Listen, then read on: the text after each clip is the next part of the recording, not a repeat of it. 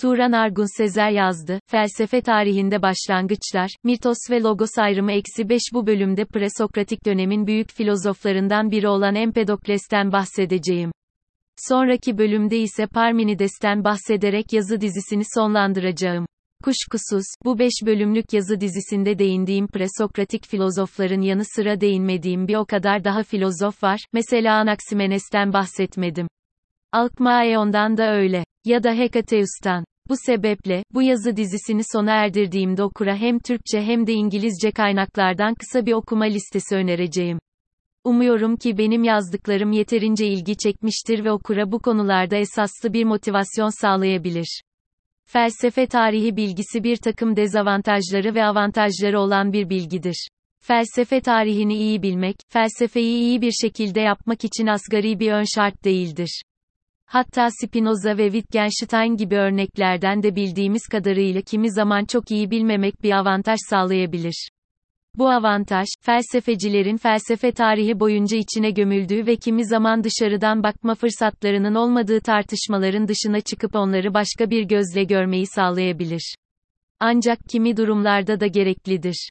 Kimi zaman bazı filozofların çok yeniymiş gibi okuduğumuz tartışmalarının temelinde aslında çok daha eski ve köklü problemlerin olduğunu görürüz.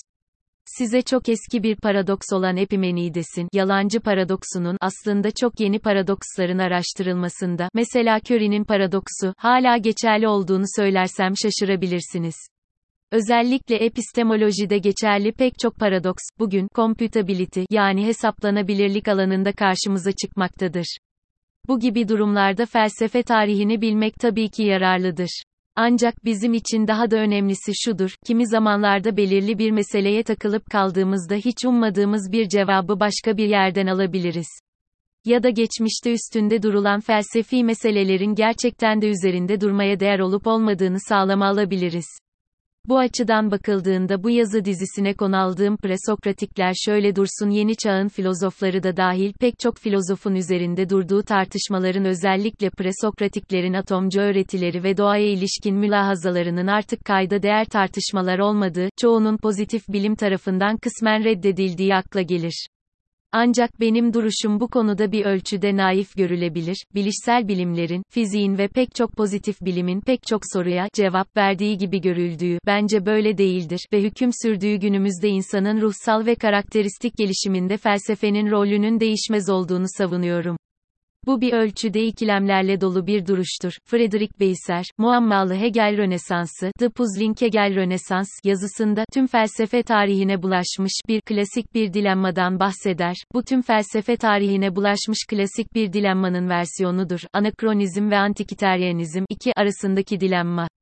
Tarihi figürleri bizim bakış açımıza ve ilgi alanlarımıza göre yorumladıkça şimdiyi geçmişe daha fazla uygulayarak daha fazla anakronizme düşeriz. Ancak onların bakış açısına göre yorumladıkça da tarihsel olgular sanki kendi uğruna ilgi oluşturuyormuş gibi antikiteryenizme düşeriz. 3. Doğrusu bu dilemmadan çıkış zordur. İkisi arasında bir seçim yapmak gerekirse antikiteryenizmi seçmenin daha makul olduğunu zira tarihteki olgular ve düşünceleri açıklamak için bir nebze de olsa gerçeğe yaklaşmakta daha başarılı olduğunu olduğunu düşünüyorum.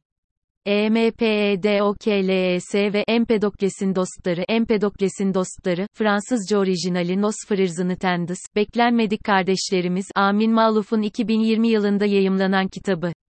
Kitap, dünyanın yıkıma sürüklendiği bir anda çıka gelen ve dünyanın problemlerine barışçıl ve yüksek teknolojiye dayanan bir çözüm getiren, Empedokles'in dostları olarak bilinen gizemli bir örgütü anlatıyor.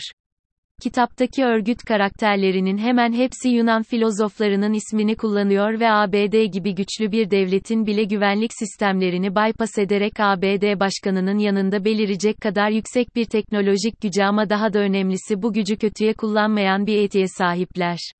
Maluf'un kitabı bir anlamda Empedocles'i ne kadar doğru anlıyor. Sanırım bu kitaptaki tanım üzerinden düşünürsek daha kolay anlarız. Nokta. Empedokles de tıpkı diğer presokratikler gibi, ikinci el kaynaklardan olduğu için hakkındaki bilgimizin kısıtlı olduğu filozoflardan biri ama bununla birlikte eşsiz bir filozof. Pek çok düşüncesinin mistik eğilimi olan filozofları ve ontoloji konusunda sayısız tartışmayı etkilediğini söylemek yanlış olmaz. Aynı şekilde Poe gibi edebiyatın büyük isimlerini de etkilemiştir. 4. W. K. 100. Guthrie, Empedokles için antik çağın en karmaşık ve renkli figürlerinden biridir ve eleştirmenlerin onun hakkındaki yargıları da farklı olmuştur. 5 diyor. Empedokles'in iki şiiri vardır. Birisi doğa üzerine, diğeri de arınmalar. Doğa üzerineden bir pasajla başlayalım. Eksi 8, size daha fazlasını da anlatacağım. Ölümlü şeylerin ne doğumu vardır, ne de onlara çöken yıkıcı ölüm. Ancak ve ancak karışma ve birlerin birleşmesi, bir de insanın isminin doğumundan başka bir şey olmaması. 6, bir de şuna bakalım. Eksi 12, olmayan şeyden olan şeyin asla çıkmadığı, o halde olan her şeyin tümden yok olduğu, hiçbir gücün aşıp, hiçbir kulağın duymadığı, çünkü orada hep sonsuzun olduğu. Eksi 13, her şeyin ne boşluğu ne de akışı var vardır. 7. Burada mantıksal olarak hiçbir şey demedim çünkü metnin 13. fragmanda bahsi geçen her şey İngilizce the all diye çevrilmişti. Bu the all nedir? Empedokles ne diyor? Benim fikrimce Parmenides'i önceleyen tümel bir varlık fikrinin başlangıcı, mitolojik bir anlatıyla karışık bir şekilde karşımızda durmaktadır. Doğal, her şeyi kuşatan varlığın, sonsuz ölümün ve yıkımın sadece görünürler dünyasında cirit attığı bir evreni sarıp sarmaladığı ve dolayısıyla zamanın var ediyor olduğu, ettiği ve edeceği tüm anların ötesindedir. Peki, onun Empedokles'in çağları aşan görüşündeki yeri nedir?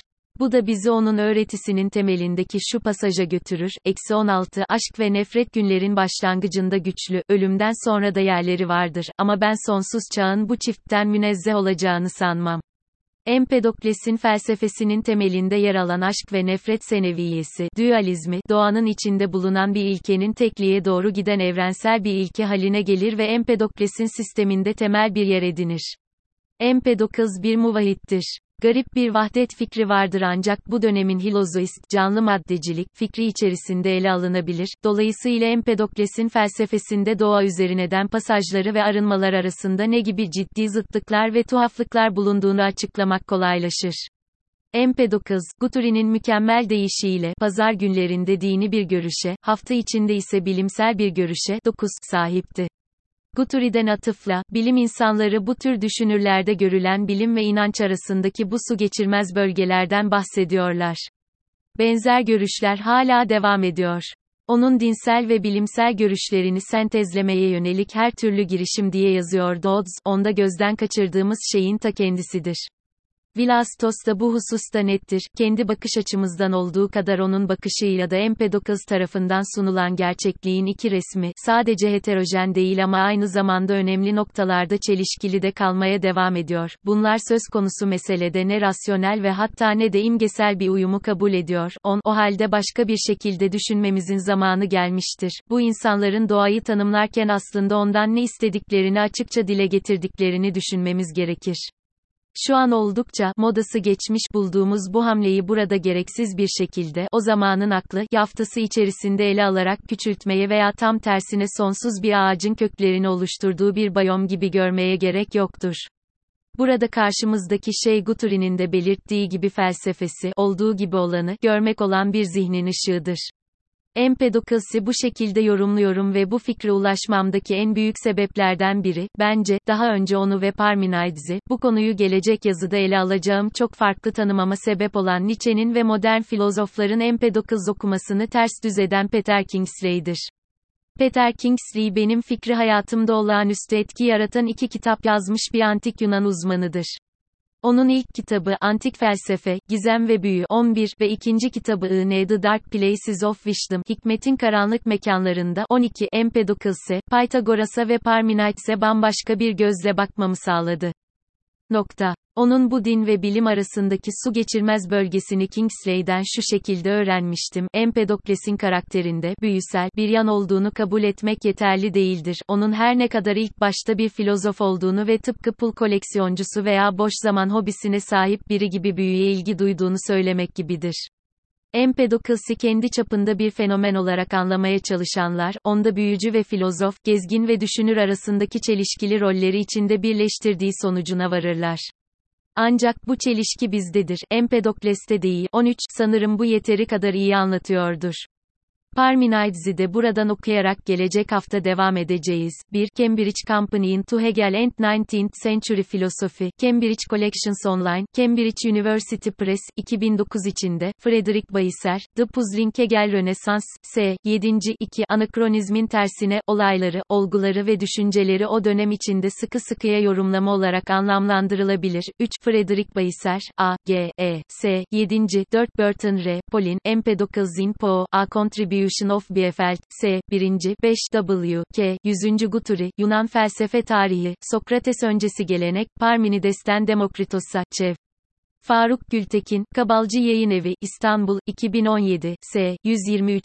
6. William Ellery Leonard, The Fragments of Empedocles, Kaynak, The Monist, Vol. 17, numara 3 July, 1907, pp. 451 ila 474, URL, https 2 www.jstor.org stable 2790005 bir soru işareti origin eşittir jester pdf ve sek eşittir bir kare metadata alt çizgi info alt çizgi tab alt çizgi contents 7 William Ellery Leonard A G E S 453.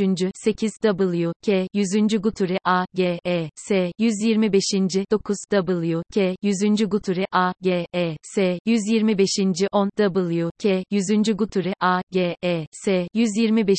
11 Peter Kingsley Antik Felsefe Gizem ve Büyü Kabalcı Yayın Evi 12 Bu kitap bildiğim kadarıyla Türkçeye henüz tercüme edilmemiştir 13 Peter Kingsley, Ancient Philosophy, Mystery, and Magic, Empedocles and Pythagorean Tradition, Clarendon Press, Oxford, S. 229.